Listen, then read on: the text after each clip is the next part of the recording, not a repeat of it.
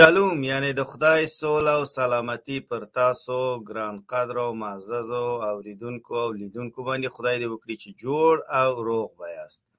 دوستانو ما ویلي و چې دغه د اوریدونکو او لیدونکو ځکه چې تاسو کولای شئ اوس موږ خپرونې د پادکاسټ لارې هم واورئ دوستانو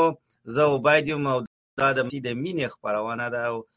دغه خپرونه او پښتو خپرونه ده چې هر پنځشنبه د افغانستان پر وخت د شپې پر ونیم بجو باندې خپریږي او تاسو کولای شئ چې زموږ خپرونه د سټلایټ فیسبوک یوټیوب پادکاست او نورو کیبلی او انټرنیټي چینلونو د لارې وګورئ همداش تاسو کولای شئ زموږ خبرونه د سټلایټ د لارې هم وګورئ چې زموږ د سټلایټ فریکونسي لاندې لیکل شوی دی دوستانو زه غواړم چې د خبرونې په سر کې یو دوا وکم او په دوا سره دغه خبرونه پیل کړم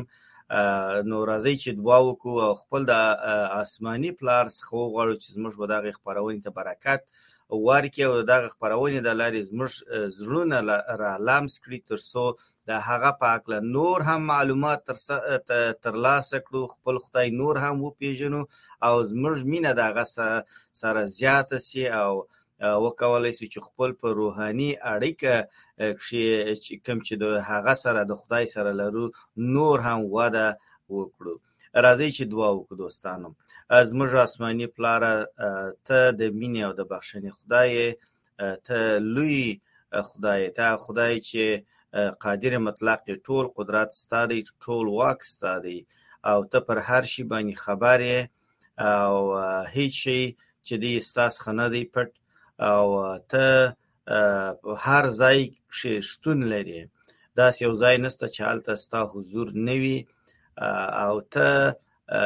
زموږ د زړونو څخه خبر یې خدای نن موږ غواړو چې دغه خبرونه پښتو خبرونه ستا په نامه باندې پیل کړو او زموږ هدف دغه خبرونې څخه دا دی چې ستا و لوی نوم ته جلال ورکړو او دا کار موږ ستا د کلام د بیانولو د لارې تر سره کوو یعنی موږ دلته ستا د کلام په حق لږیږو هغه موضوعات چې ستا د کلام څخه دی پر هغه باندې موږ بحث کوو دا په حق لمش تفسیر ورکو تر څو موږ ټول ستا پر حقیقت باندې کم چې ستا په کلام کې پروت دی پوسو نو خدای ته دغه و دغې خپرونې ته برکت ورکه ما ته برکت راکړه تر څو زه وکولای شم ستا کلام ډیره په ښه توګه او په واضح او اسانه توګه او دوستانو ته او ملګرو ته تشریح کړم همداسې هغه ملګری او هغه معزز لیدونکي چې دا خبرونه ګوري د هغوی زړونه هم لمس شي خدایه نو دا خبرونه موږ ستا په لوی نامه باندې چې یشو مسیح دی پیل کوو آمین بله خدای مش باور لرو چې از مش سره یو دغه خپرونې ته برکت ورکړي نو دوستانو د مسیح مینه دا زموږ د خبرونې نوم ده او د خبرونې د نامه څخه دا واضح ده چې دا یو مسیحي خبرونه ده او هر هغه څه چې موږ وایو هغه د خدای د کلام څخه یعنی د سپیشلی کتاب څخه دی او موږ غواړو چې د سپیشلی کتاب حقیقتونه تاسو ته بیان کړو نو دوستانو نن زه غواړم چې د یو د نوې موضوع په حق له تاسو سره وژغېږم او تاسو ته معلومات درکړم او هغه د خدای د کلام څخه یو مثل دی یو حکایت دی یو کیسه ده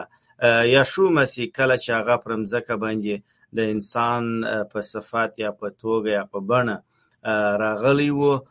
تر څو زموږ خپل کلام موږ ته راورسوي خپل هغه ښه زیری چې دی موږ ته راورسوي او زموږ د ګناهونو لپاره پر صلیب باندې قرباني ورکړي په هغه وخت کې هغه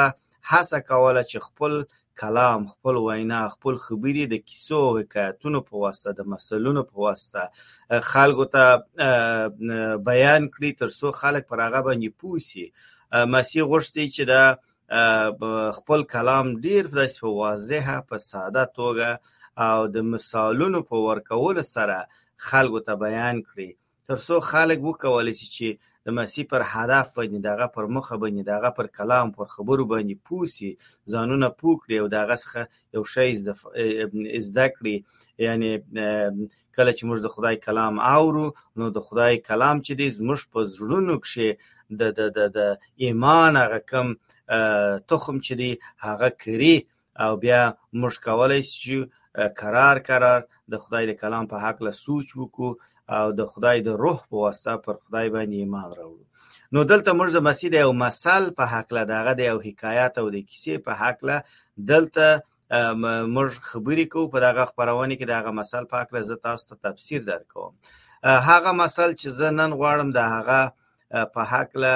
وژغېږم چې زموږ د خبرونې موضوع ده هغه دا ده چې هیڅ څوک پر زړو جامو نوې پیوند نه لګوي یعنی هیڅوک پر زړو جامو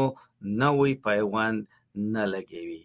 او د دې هدف دا دی چې په مسیح کښې موږ روحاني او سپېڅلې ازادي لرو مینه که شریعت کوم یو موږ غوره کوو زه غواړم چې دغه موضوع په اړه تاسو ته معلومات درکړم خو اول زه د مسیح هغه حکایت یا مثل د خدای له کلام څخه وایو چې مسیح د خپل په کلام کې څه وایي څه ویلي دي او بیا راځو د خدای له کلام دغه برخه تاسو سره تاسو ته تفسیر کوو د متا د کتاب نهم باب سوارلسم آیات داسې وایي بیا د یحیی شاګردان عیسی ته راغلل او ورته وی ویل ولی موږ او فریسیان موږ او فریسیان روژه نیسو او ستا شاګردان یې نه نیسي عیسی هغوی ته وویل آیا دا کېدای سي چې د زو ملګري دي په داسې حال کښې چې زوم ورسره وي خفه ناست وي؟ بې له شکه چې نه، خو داسې وخت به راسي چې زوم به د هغوی نه بوتلل سي نو بیا به روژه ونیسي. هېڅ څوک پر زړو کالیو باندې نوی پیوند نه لګوي. که داسې وکړي نو هغه پایوان به د زړو کالیو څخه راوشلیږي او له مخکې څخه به یو لوی سوری پکښې جوړ سي او نه هم څوک تازه شراب په زړو مشکونو کې اچوي ځکه چې ځکه که واچول سي نو مشکونه وبخښي مشکونه مشکونه شکیږي او شراب ترې تویږي او مشکونه به له منځه ولاړ سي خو تازه شراب په نوو مشکونو کې اچول کیږي او په دې ډول هم شراب او هم مشک دواړه روغ پاتې کیږي دوستانو دلته د پسوار لسم آیت کې د خدای کلام وایي چې بیا د یحیی شاګردان عیسی ته ورغلل یحیی څوک و یحیی هغه نبی و چې د مسیح څخه مخکې راغی د څه شي دپاره د دې دپاره چې د مسیح دپاره لاره هواره کړي او د دې معنا څه شي دی د دې معنا دا ده چې مسیح د دې یحیی د دې دپاره راغلی تر څو خلکو ته د مسیح په هکله معلومات ورکړي هغوی ته زیری ورکړي هغوی ته ووایي چې مسیح هغه مسیح چې موعود دی هغه مسیح چې د هغه په هکله وعده سوې ده هغه مسیح راځي او ستاسو د پاره یعنی د بشر د پاره د خلاصون لار هغه خلاصوي نو یحیی د دې د پاره راغلی وو د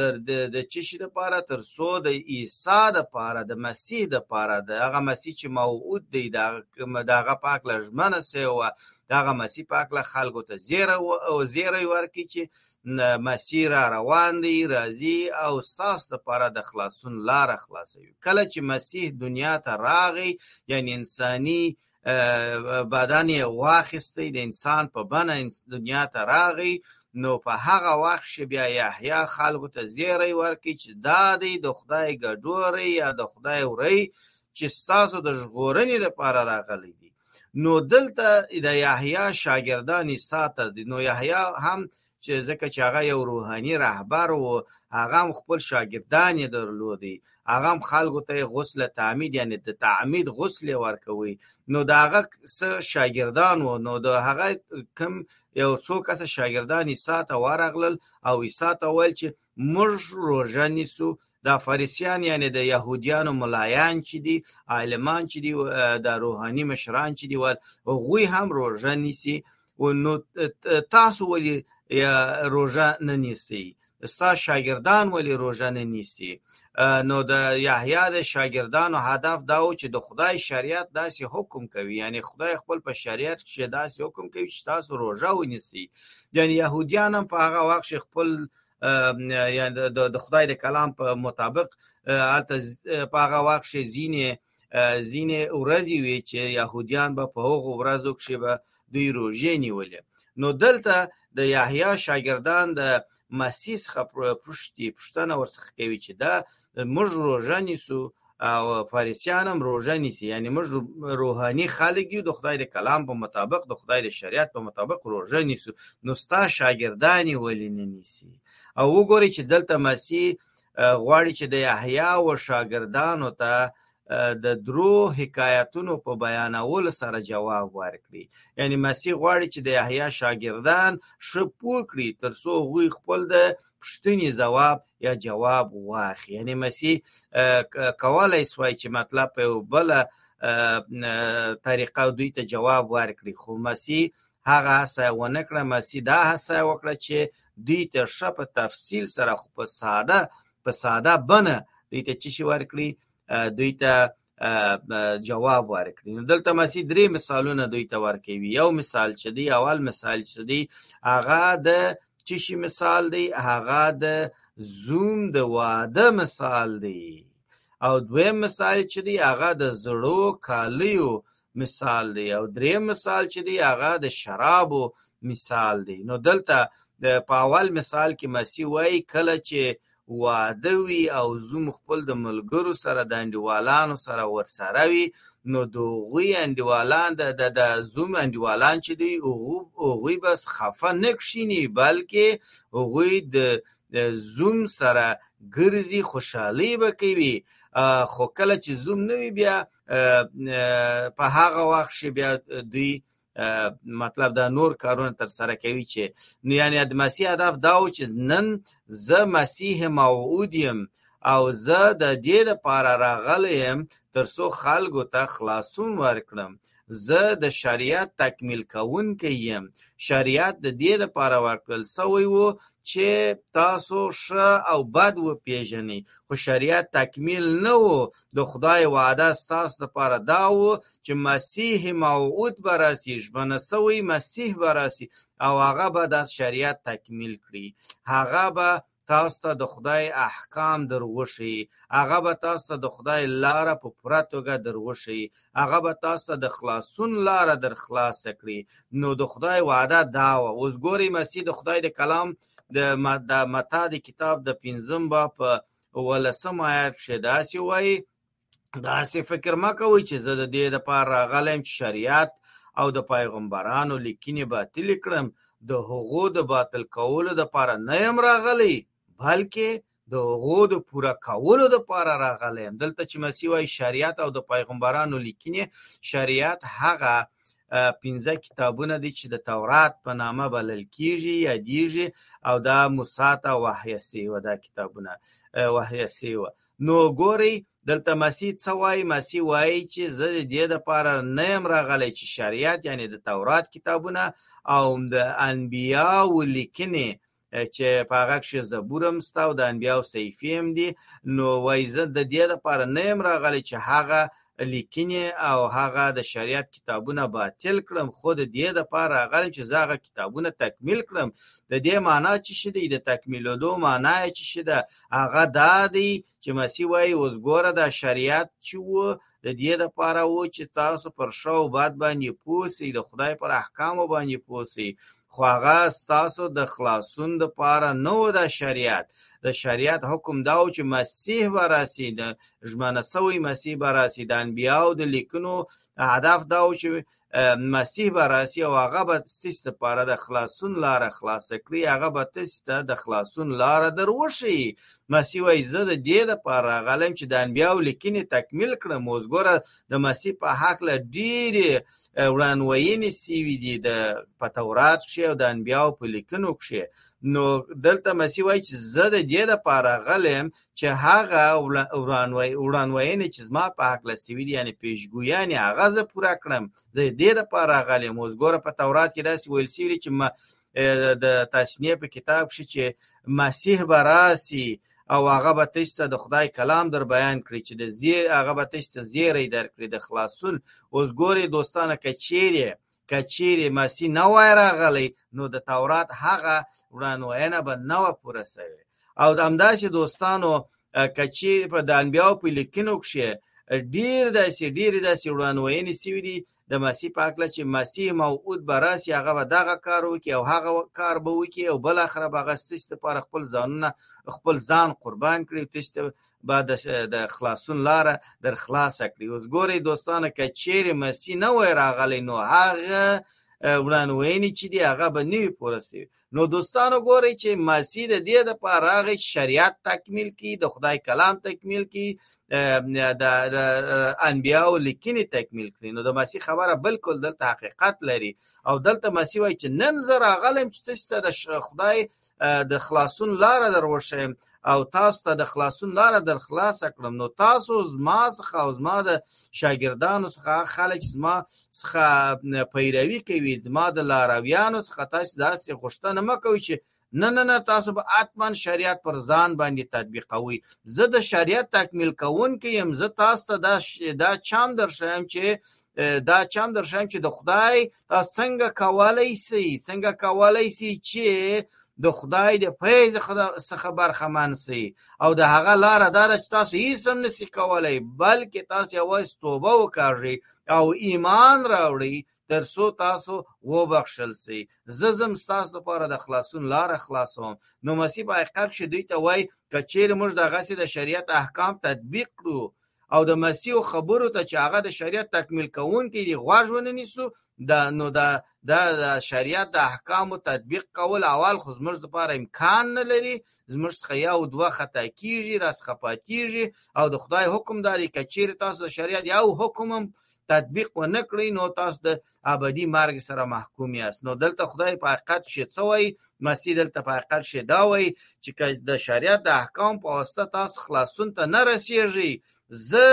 د شریعت تکمیل کوونکی یعنی زه د خلاصون لار درښیم نو تاسو ماته غوږ ونیسئ تاسو د شریعت هغه کاپی هغه کامله کاپی چې زه یم هغه کامله کاپی چې هغه هغه ته تاسو غوږ ونیسي د شریعت هغه کامل کامل ژغ چې دی هغه ته غوږ ونیسي د شریعت هغه کامل تعلیم چې دی هغه ته تاسو ته غوږ ونیسي چې هغه صدر ته وایي د شریعت احکام د دې لپاره وو چې تاسو شو بد وپیژنئ پر شو باندې عمل وکړئ د بد څخه ځانونه وګرځوي تر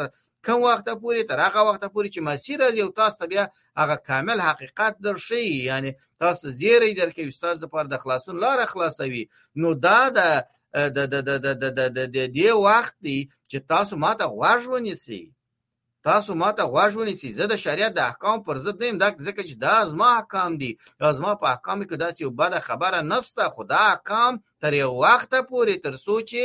زه راځم دنیا ته او تاسو ته د خلاصون لار خلاصوم او نن هغه ورځ ده زه دا دی زه راغلی یم او زه غواړم چې تاسو ته د خلاصون لار در وښیم نو دا د مسیح تعلیم دی او دلته مسیح بیا په دویم مثال کې وایي چې هیڅوک په زړو کالو کالیو باندې نوی پیوند نه لګوي یعنی دا دا دی چې اوس داسې نه کېږي چې ته خلکو ته ووایي چې نه نه ته باید چې د شریعت د احکامو څخه پوره دغه وکړې اطاعت وکړې او هم پر د مسیح پر زیری باندې ایمان راوي نو بیا ته کولای شي چې د خدای د فیض څخه برخمن شي یعنی ستا خپل د ګناهونو څخه خلاصون پیدا کې نه مسیح وایي چې دا غسې نه کیږي ځکه چې د شریعت احکام د خدای احکام ډیر ډیر درانه دي او ته نسې کولای چې ټول هغه ټول احکام پر ځان باندې تطبیق کړې نو چې ته نسې کولای او کله چې یو حکم هم در څخه پاتیږي او د هغه په سبب ته د ابدي مرګ او مړینې سره مخامخ کیږي نو د حل لاره دا ده چې ته راسئ د خدای پر هغه مکمل او بشپړ کلام باندې چې هغه د هغه ښه زیری دی هغه د مسیح زیری دی هغه انجیل دی پر هغه باندې ایمان راوي او کله مسیح څه وایي د مسیح زیری د بشر لپاره څه دی د بشر لپاره دا دی چې زه د شریعت تکمیل کوونکی یم نو راځئ هغه کامل شریعت ته غوږ ونیسئ او هغه دا دی چې همدا نن تاسو خپل د ګناهونو څخه توبه وکاږئ راسئ پر ما باندې خپل د مالک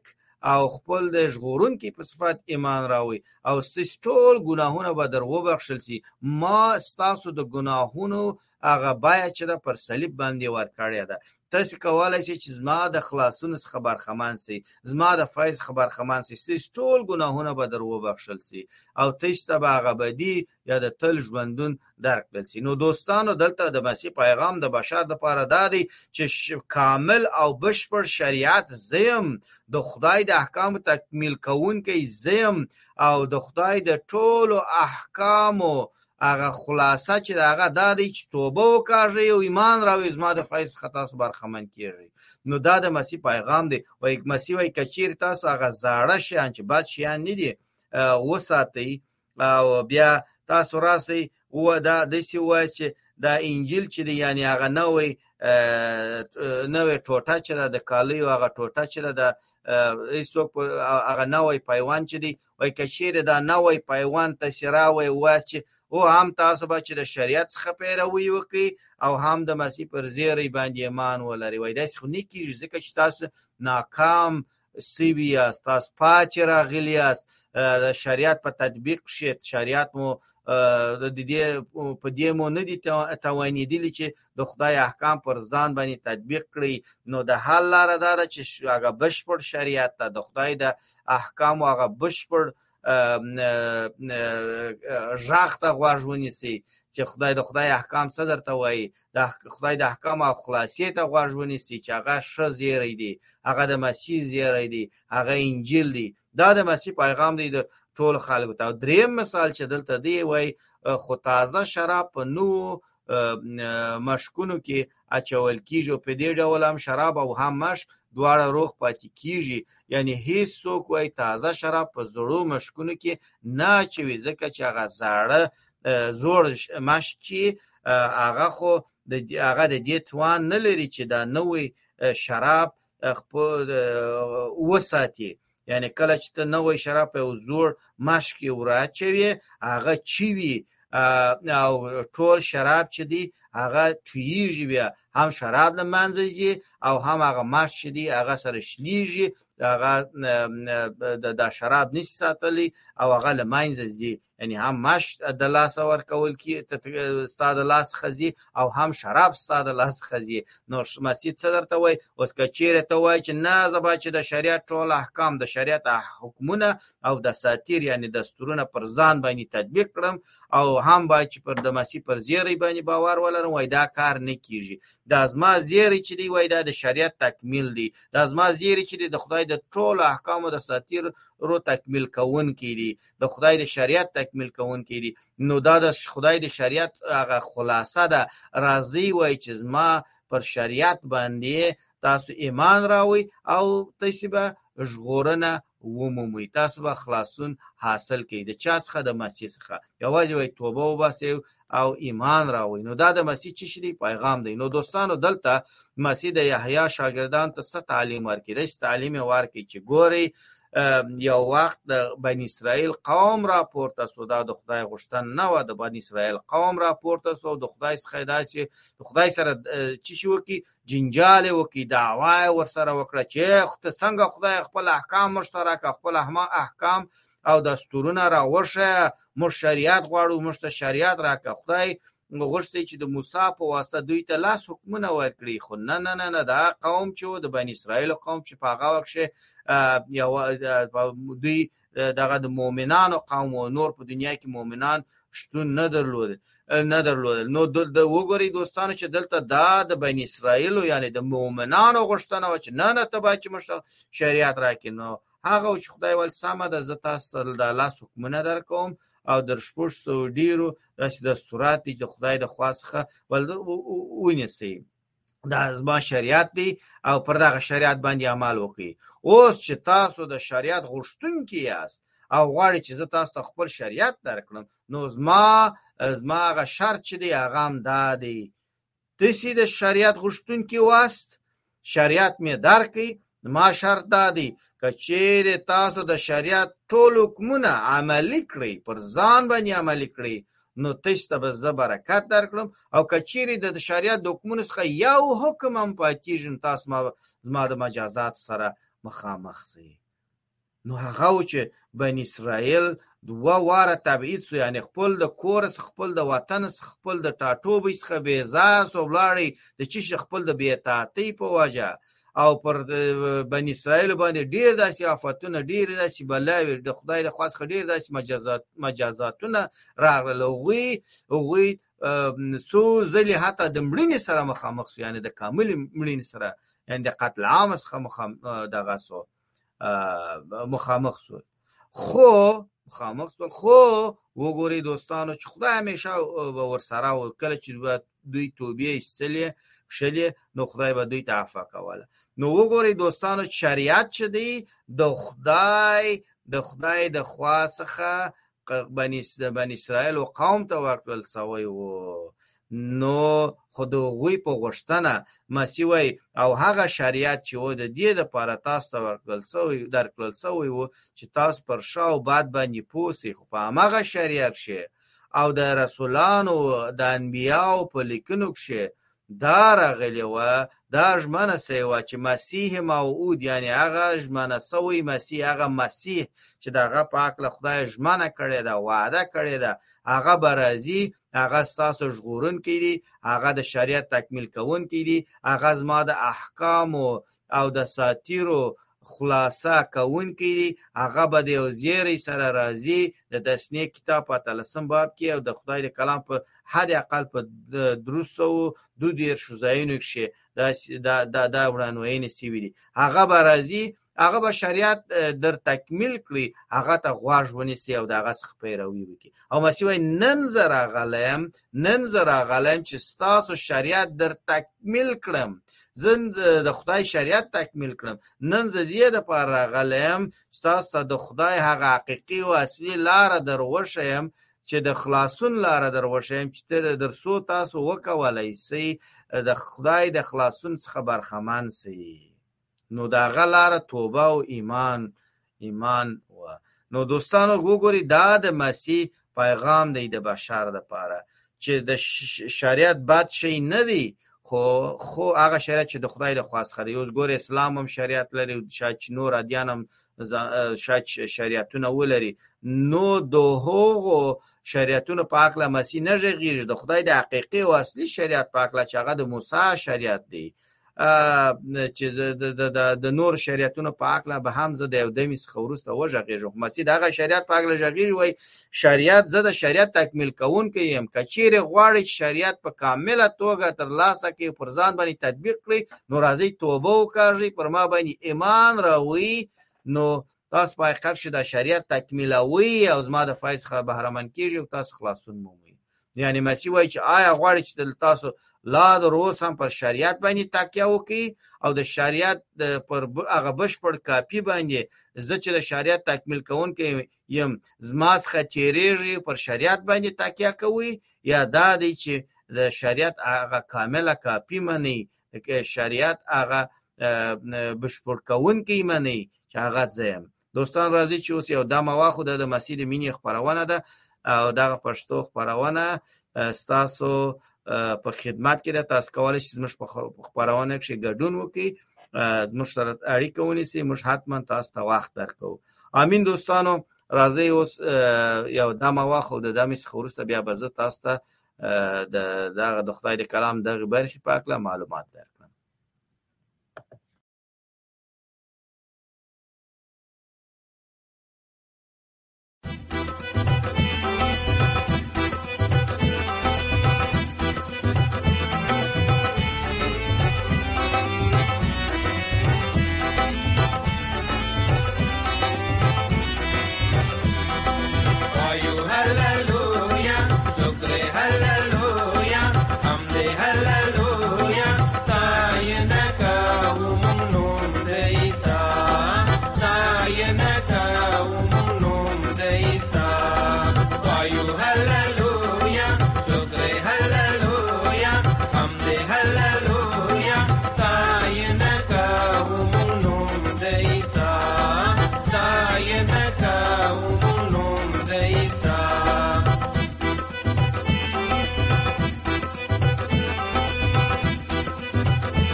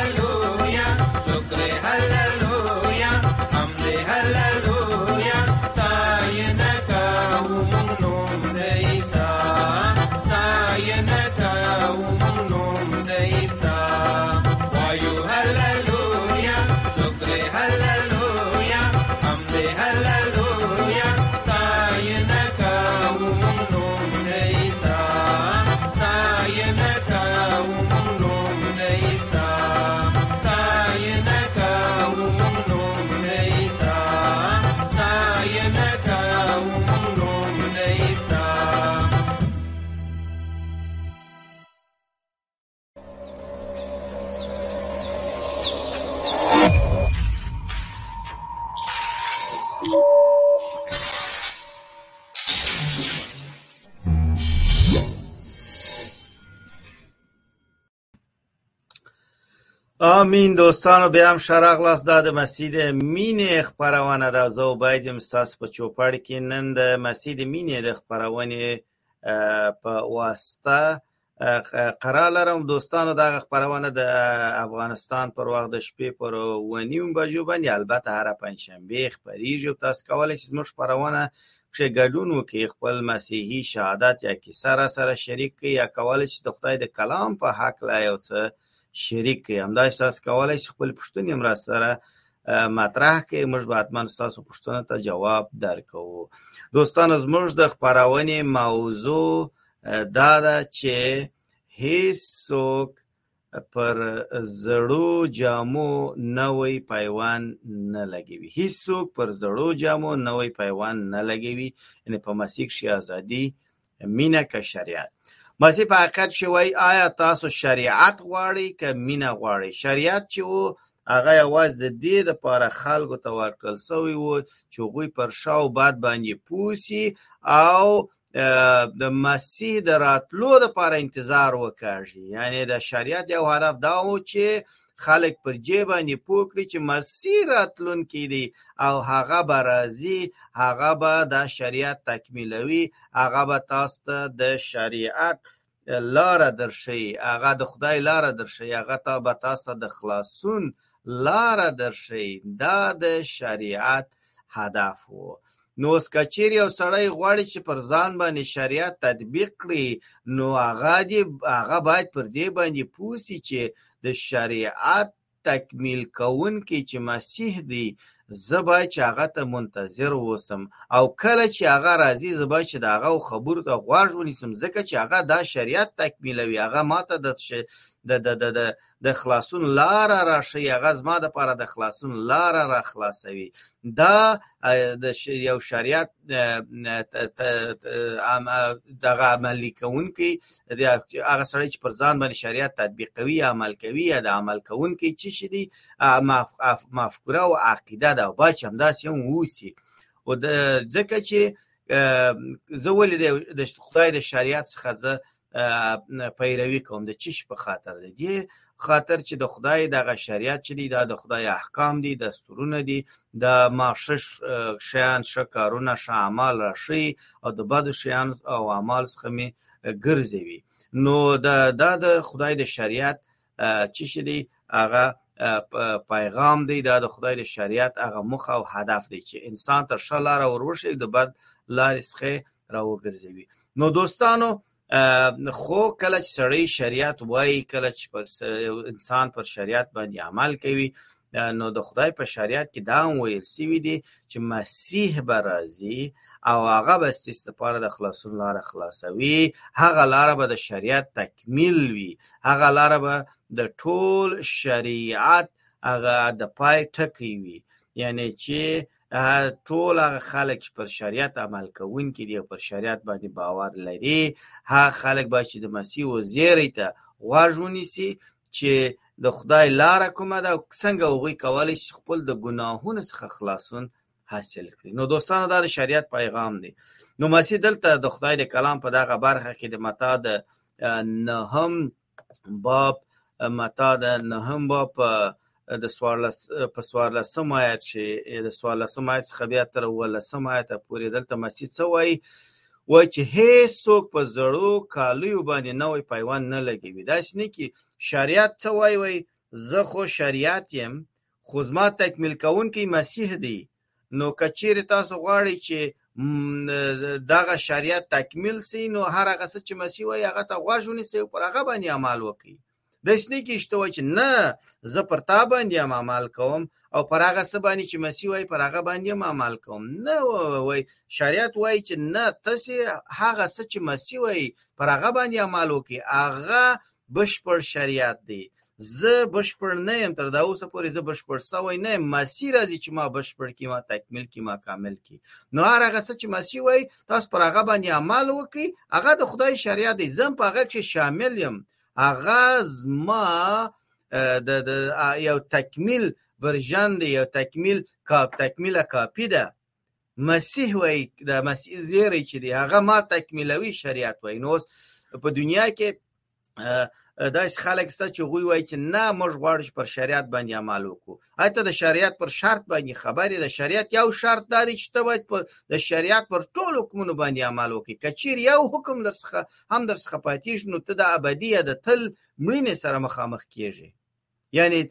د انسان څخه هر اقل یو حکم د شریعت یو حکم خو پاتیږي چې یو حکم پات شي انسان د ابدي مړینې سره مخامخ کیږي نو د انسان حسه چې غواړي شریعت پر ځان باندې تطبیق کړي دا بې ځایه پاتیږي نتیجه نه ورکوي د خدای هدف هم دا و چې کله تاسو اماز پر شو باد باندې پوسی پر شو باندې عمل وکي د باد څخه ځانونه وساتي کله چې باد در څخه کیږي ګناه در څخه کیږي هغه څخه توبه وباسي مسیح به راځي او هغه به ستاسو توبه قبلوي هغه به ستاسو توبه قبلوي او ستاسو ګناهونه به در بخشي ستاسو د ګناهونو بای هغه ورکوي دا د شریعت هدف و دوستانو دلته مسیح هم دا خبره کوي چې نن زه دلته راغلم چې تاسو د د خدای لاره در وشم دغه شریعت در تکمیل کړم او ته وایي چې ته ولې روژه نه نیسې د روژې په واسطه ته جنت ته ځې وایي نه د خلاصون د لارې ته کولای سي جنت ته ولاړ سي یعنی خدای ته ورسیږي یعنی ابدي ژوندون ته ورسیږي دا د مسیح پیغام دی اوس ګورئ دغه شریعت چې دی چې مسیح د هغه په هکله خبرې کوي دلته وایي دا د موسی شریعت دی دا چې دغه دی نه وي چې ځینې مسلمانان سوچ وکړي چې ځانو زموږ شریعت هم چې دی هغه هم د موسی شریعت دی نه نه نه نه ستاسو شریعت بالکل د موسی د شریعت څخه فرق لري ځکه چې او د موسی د شریعت ځینې احکام نه ټول حکمونه ځینې احکام ستاسو په شریعت کې هم سته ځینې احکام خو ستا خو هغه هیڅ درد نه دوا کوي ولې په دې چې د موسی د شریعت هدف دا و چې خلک پر شو بد باندې پوسی پر ښه او بد باندې پوه سي دا د اول هدف و او د مسیح موعود په هکله معلومات تر ترلاسه کړي یعنی د هغه وعده سوی یا ژمنه سوی مسیح په هکله معلومات هغوی ترلاسه کړي چې مسیح راځي او دا شریعت به تکمیلوي خو ستا د شریعت دا هدف نه دی اول خو د خدای د شریعت ټول احکام ستا په شریعت کې نسته ځینې احکام هلته سته او په ځینو احکامو کې هم لاسوهنه سوې ده او دویمه خبره دا ده چې ستا شریعت دا نه وایي چې مسیح د شریعت تکمیل کوونکی دی هغه ته غوږ ونیسي ستا شریعت دا دا هدف نه لري او دریمه خبره دا ده چې د دغه د موسی د شریعت چې د خدای په حقیقت چې د خدای شریعت دی د خدای قوانین دی روحاني قوانین د انسان لپاره د بشر لپاره په هغه وخت کې یوازې د مؤمنانو لپاره چې بن اسرائیل قوم هغوی د وخت یوازنی مؤمنان و نو د هغه شریعت شرط دا و یا هغه اصلي شرط یې دا و چې تاسو به ټول حکمونه پر ځانو باندې عملي کوئ که یو حکم هم درڅخه پاتېږي بیا هم تاسو د ابدي مړینې سره مخامخ یاست خو د هغه دپاره لاره سته چې مسیح راځي بیا ستاسې ګناهونه در بخښي تاسو ایمان ولرئ یعنی شریعت د انسان د ګناهونو د بخښلو هغه آخري لاره نه وه ځکه چې ځکه چې انسان پر دې باندې نه دی قادر پر دې باندې انسان د دې توان نه لري چې د خدای د شریعت ټول حکمونه پر ځان باندې عملي کړي خو ستا شریعت چې دی د اسلام شریعت درښیم دا شریعت چې دی په هغه کښې دا خبره نسته هغه کښې دا خبره نسته چې که چیرې یو حکم هم ورڅخه پاتې سي نو ته بیا به د ابدي مړینې سره یعنې دوژخ ته ته به ځې ګوره مسلمانان بیا څه وایي ګوره زموږ شریعت چې دی یو څه وساینه یا هوساینه یې راویستې ده نه دا خبره نه ده هغه اوساینه د خدای په شریعت شي د موسی په کتاب کې ستا هغه هغه څه وای یعنی دا زما شریعت دی کچیر تاسو غواړئ چې د شریعت د لارې و جنت ته ولاړ سئ چې په ساده توګه زه خبرې وکم نو دا ټول شریعت باید پر ځان باندې عملي کړئ او کچیر تاسو یو حکم پر یو حکم هم تاسو پاتې سي نو تاسو جنت ته نسی تللی تاسو دوزخ ته ځئ خو ساینه پکښې چې دا وایي خو تاسو ایمان ولرئ چې مسیح به ستاسو د ټولو ګناهونو بیه او قیمت ورکوي او که چیرې تاسو د پر دغه مسیح موعود باندې چې د هغه په هکله خدای ژمنه کړې ده چې هغه به راځي ایمان ولري هغه به ستاسو ټول ګناهونه در بخشي یعنی خدای غواړي چې خلکو ته دا قناعت ورکړي چې زما احکام او زما دستورونه زما قوانین ستاس داسې احکام او دساتیر دي چې انسان نسی کولای دا ګناګار انسان نسی کولای چې په دا ګناګار دنیا کې هغه پر ځان باندې عمل کړي د زینو څخه به هغوی اطاعت وکړي ځینې به ورڅخه پاتې سي خو د حل لاره چې شي ده چې همدغه شریعت درته وایي چې د حل لاره مسیح ده پر هغه باندې ایمان ولرئ کله چې هغه ستاسو د ګناهونو بیا ورکړي ستاسو ګناهونه هم در بخښل کیږي تاسو باید چې ایمان ولرئ نو دوستانو خو د اسلام شریعت دا خبره نه کوي نو کله چې زه وایم شریعت نو تاسو د سینې چې تاسو اسلام شریعت هم پکې کې ګټ کوي نه نه نه هغه بیخي هغه نه د خدای شریعت دی نه د خدای د خواص دی خو دوی یو هڅه کړې ده چې ځینې احکام د موسی د شریعت څخه واخی خپل په شریعت کې دغه کې ترڅو خلک خطا وبچ دا ماغه د خدای شریعت دی نه نه نه نه ځینې احکام په هغه کې هم لاسوهنه سوی ده په هغه کښې هم لاسوهنه سوې ده په اسلام کې سته اوس ګوره د خدای اول حکم چی شي دی د د سر څخه چې سړی شروع کی وځه یو واحد خدای نو زما په شان هیڅ شي ما جوړوي او زما څخه پرته و هیڅ شي ته سجده مکوي مسلم شریعت څه وایي چې مکې ته سجده وکړي دا د خدای کور دی دا د خدای یو یو یو نښه او نشانی او سمبول دی خو د خدای شریعت څه وایي وایي هیڅ شی که هغه خونه وي که هغه یو بت وي که هغه یو انسان وي که هغه یو حیوان وي هر شی چې وي وایي هیڅ شی زما په شان هیڅ داسې یو بت یا شی مه جوړوئ او هغه ته سجده مه کوئ خو د اسلام شریعت وایي چې تاسو مکې ته سجده وکړئ نو دا شریعت د خدای هغه اواله دویمه دریم حکمونه نقضوي د هغه پر خلاف دی نو د اسلام شریعت هغه د موسی شریعت نه دی د خدای شریعت نه دی پر ځینې خلک وایي چې نه نه مخ مکې ته مازې دغه کوه مازې نه دی چې ته مخ ورګرځوې او ته چې هلته په مکه کې او دغه پر مقابل کښې ته درېږې او خپل سر ورته کښته کې او سجده ورته کوي او دا خونې ته ته دغه کې دغه اتاق ته دغه مکخ یو خونه دی یو عمارت یو بلډینګ دی یو اتاق دی ته هغه ته سر ورکښته کې ته هغه ته سجده کې نو دوستانو وګوري خو د خدای څه وایي چې تاسو دا کار مه کوئ هیڅ کلم دا کار مه کوئ زه په هر ځای کې شتون لرم تاسو خپل سر ما ته راکښته کې نه یو خونې ته کله چې د مورشلیم معبد چې و معبد چې و هغه د د عبادت ځای چې و کله چې هغه جوړ سو دغه څخه مخکې یو کېږدی یا خیمه وه د عبادت د پاره بیا هلته یو امارت جوړ سو یو معبد جوړ سو یو عبادت ځای جوړ سو خدای هیڅکله هم د بني اسرائیل د قوم څخه د مومنانو څخه دا غوښتنه نه وه کړې چې تاسو به د دغه عبادت ځای پر شاوخوا چې دا زما کور دی پر شاوخوا باندې وسرخیږي را وسرخیږي او کله چې عبادت کوئ نو ولاړ سئ د دغه عبادت ځای پر شا او خوا باندې ودرېږي پر سرونه ورته کښته کوي او سجده ورته وکړي د خدای د خدای هیڅ کلم د غوښتنه د بنی اسرائیل د قوم څخه نه ده کړې نو څنګه د اسلام په شریعت کې چې دا کار کیږي د مکی او خواته مخ ورګرځوي سر ورته کښته کوي پر رکوع کې او په سجده کې ورته ځي ته ته سجده ورته کوي نو دا خو د خدای شریعت نه دی دا هغه اول حکم چې خدای په شریعت کې ورکړی دی هغه تا مات کړی دی په اسلام کې نو دا زه د اسلام د شریعت په اړه نه ژغېږم ما وغوښتي چې دلته یو څه وضاحت ورکړم خو مسیح دلته د خدای د شریعت په اړه ژغېږي هغه شریعت چې د موسی شریعت دی د خدای دلته څه وایي خدای دلته وایي مسیح دلته وایي چې دوستانو چې تاسو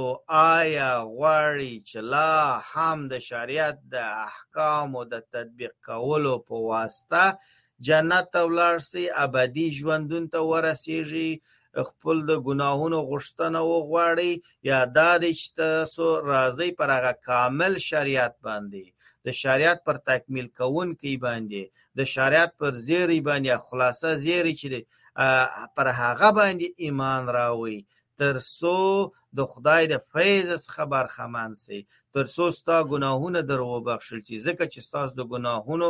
بیا ورکړل سوې ده پر صلیب باندې د مسیح پیغام د ټول بشر لپاره همدا دی اوس که چیرې ته وایي چې نه زه غواړم د شریعت د لارې شریعت په واس په واضحه توګه دا درته وایي چې زه یوازې ښه او بد درښیم او زما شرط دا دی چې ته زما ټول حکمونه پر ځان باندې تکمیل باید چې ته تطبیق کې که یو حکم هم در څخه پاتېږي د چی سره مخامخ کېږي ته د ابدي ژوندون د ابدي مړینې سره مخامخ کېږي نو شریعت وایي چې زما په مطابق ته محکوم یې ځکه چې ته په دې باندې نه توانېدلی چې زما ټول احکام په ژوند کې عملی وکړي زما په مطابق ته محکوم یې خو زمسی چې زما تکمیل کوونکی دی د هغه پر زیری باندې چې د ټول شریعت خلاصه ده پر هغه باندې ایمان راوړي او تاسو غواړي چې د احکامو د لارې یا د خدای د مینې لارې خپل د ګناهونو خلاصون د خود ګناهونو څخه خلاصون حاصل کړي نو دوستانو د مسی پیغام زما او ستا د پاره نن چې شي د مسی پیغام زما او ستا د پاره دا ده چې زه د دې د پاره دنیا ته رالم چې تاسو ته د خلاصون لار دروښیم د خدای شریعت در تکمیل کړم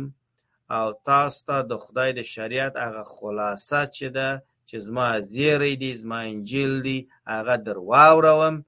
او ته ستاسو د پاره خپل د صلیب د لارې خپل د هغه قربانۍ د لارې چې زه پر صلیب باندې ورکوم د خلاصون لاره درته خلاصه کړم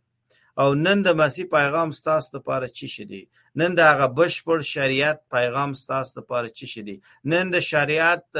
هغه خلاصه پیغام یا زیری چې دی ستاسو لپاره چیشی دی هغه دا دی چې خپل د ګناهونو څخه توبه وکاږی خپل ځانونه ګناهکار وبولی دا پر دې باندې اعتراف وکړي چې تاسو پر دې باندې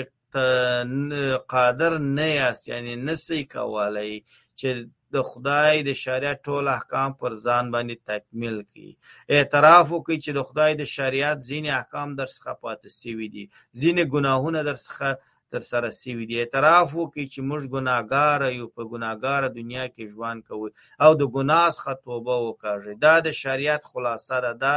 د شريعت خلاصه چي د مسيح هغه زيری يا انجيل يا ښه پيغام دی دا د هغه خلاصه ده وایي تاسو ایمان راوي پر مسیح باندې چې تاسو مالک یعنی د دغه لارې مالک دی سرشتان دی او ستاسو ژغورونکی دی، ځکه چې د ژغورنه لاره یې ستاسو لپاره چا در خلاصه کړې ده؟ مسیح در خلاصه کړې ده. نو په مسیح وایي چې ایمان راوې پر ما باندې د مالک خپل د مالک او ژغورونکی په صفت او تاسو به خپل د ګناهونو څخه خلاصون حاصل کړئ، تاسو به زما څخه ابدي ژوندون تل د تل ژوندون حاصل کی ستاسو ګناهونه به در وبخښل سي زما روح د خدای روح به په تاسو کښې میشت سي تاسو ته به د هدایت درکړي تاسو ته به تعلیم درکړي تاسو به د خدای روحاني بچیان وبلل سي او تاسو به د خدای کورنۍ یاست نو دا د مسیح پیغام دی د ټول بشر د پاره او مسیح د ټول انسانانو څخه دا غواړي دا پیغام ورته لري چې دا اوس چې وخت دی راځي دا پریکړه وکړي راځي دا تصمیم ونیسي چې موږ نسو کولای چې دا شریعت پر ځان باندې سل فیصد تطبیق کړو نو موږ غواړو چې پر کامل او بشپړ شریعت باندې چې د ټول شریعت خلاصه ده او د ټول شریعت خلاصه د مسیح زیری دی ښه پیغام دی او هغه زیری دا دی چې توبه وکاږي او ایمان راوړي موږ پر هغه باندې ایمان راوړو او کچیرې نن ته غواړي چې د شریعت د محکومیت څخه خلاصون حاصل کړي شریعت یو بد شی نه دی شریعت د خدای احکام دی د خدای دستورونه دی خو د شریعت نه تطبیق کول پر ځان باندې انسان محکوموي یعنی شریعت په خپل ښه شی دی په خپله یو ښه شی دی اوس ګوره شریعت چی شته وای لکه د یو دوایی په شان دی د یو دوایی په شان دی کله چې یو سړی دا دوایی یا ګولیان خوري هغه انسان ته شفا ورکوي او که چیرې ته دا ګولیان نه خورې یوازې د ځان سره ساتې نو ته به بیمار او ته به ناروغ پاتېږي او هغه ناروغي به تا له منځه وړي نو شریعت هغه ګولیان چې دی خپل ګولیان هغه دوايي چې د دوا چې ده هغه خپل د انسان د شفا د پاره ده خود په شرط دی چې انسان یې په ښه توګه په کامله توګه وخوري استفاده ورڅخه وکړي تر څو انسان ته شفا ورکړي خو انسان دا کار نه کوي نسی کولای نو شریعت په خپل بد شي نه دی دا د خدای احکام دی شریعت سپیڅلی دی شعريات ډېر ښه شی دی که چیرې انسان وکولای شي پر ځان باندې تطبیق کړي خو مشکل دا دی چې انسان نشي کولای چې شریعت پر ځان باندې تطبیق کړي نو ځکه دوی د شریعت په مطابق محکومیږي نو آیا تاسو غواړئ چې د شریعت د احکامو مطابق ځانونه محکوم کړئ یا غواړئ چې پر هغه بشپړ شریعت باندې بشپړ شریعت باندې د شریعت پر خلاصه باندې چې مسورات مسیح راتلونکی وو هغه راغی زموږ د پاره د خلاصون لار خلاص کړه زما او استاد لپاره یو ښه زیری لري هغه زیری چې شدي راځي توبه وکاږي او پر ما باندې د خپل د ملک خپل د مالک او ژغورونکي په صفات ایمان راوړي دا د شریعت خلاصه ده دا د شریعت هغه بشپړ کاپی یا نسخه ده دا د شریعت هغه ساده پیغام دی د ټول انسانانو لپاره ټول بشر لپاره نو آیا زما ورور ما خورې ته غواړي چې د شریعت په مطابق ځان محکوم کړي یا غواړي چې د خدای پر مینه باندې چې د خدای مینه د شریعت هغه بشپړ نسخه ده د شریعت تکمیل کوونکی دی او خدای خپل د مینې په وجه غواړي چې ما او تا خپل د فیض څخه برخمن کړي ځکه چې مسیح زما او ستا دپاره په صلیب باندې وختی او زما او ستا د ګناهونو بیا ورکړله او خپل مینه په دغه توګه زما او ستا او د ټول بشر سره ثابت کړله او نن د هغه د مینې په وجه هغه مینه چې پر صلیب باندې تر سره شوې ده هغه مینه چې مسیح زما او ستا د پاره کړې ده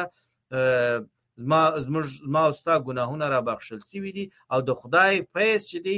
موږ ته مهیا ده او موږ کولای شو چې د خدای د فیض څخه برخمن سو که چیرې وغواړو څنګه کولای شو چې د خدای د فیض څخه برخمن سو چې موږ توبه وکړو خپل د ګناهونو څخه خپل ځان ګناهګار وبولو اعتراف وکړو او د خدای څخه د ایمان د لارې وغواړو چې ای خدای ما خپل د خلاصون څخه برخمن که ځکه چې ته زما ژغورونکی یې او ته د دغه ژغورنې د پلان څښتن یا مالک او ستا نوم یشو مسیح دی دوستانو دا د خدای پیغام دی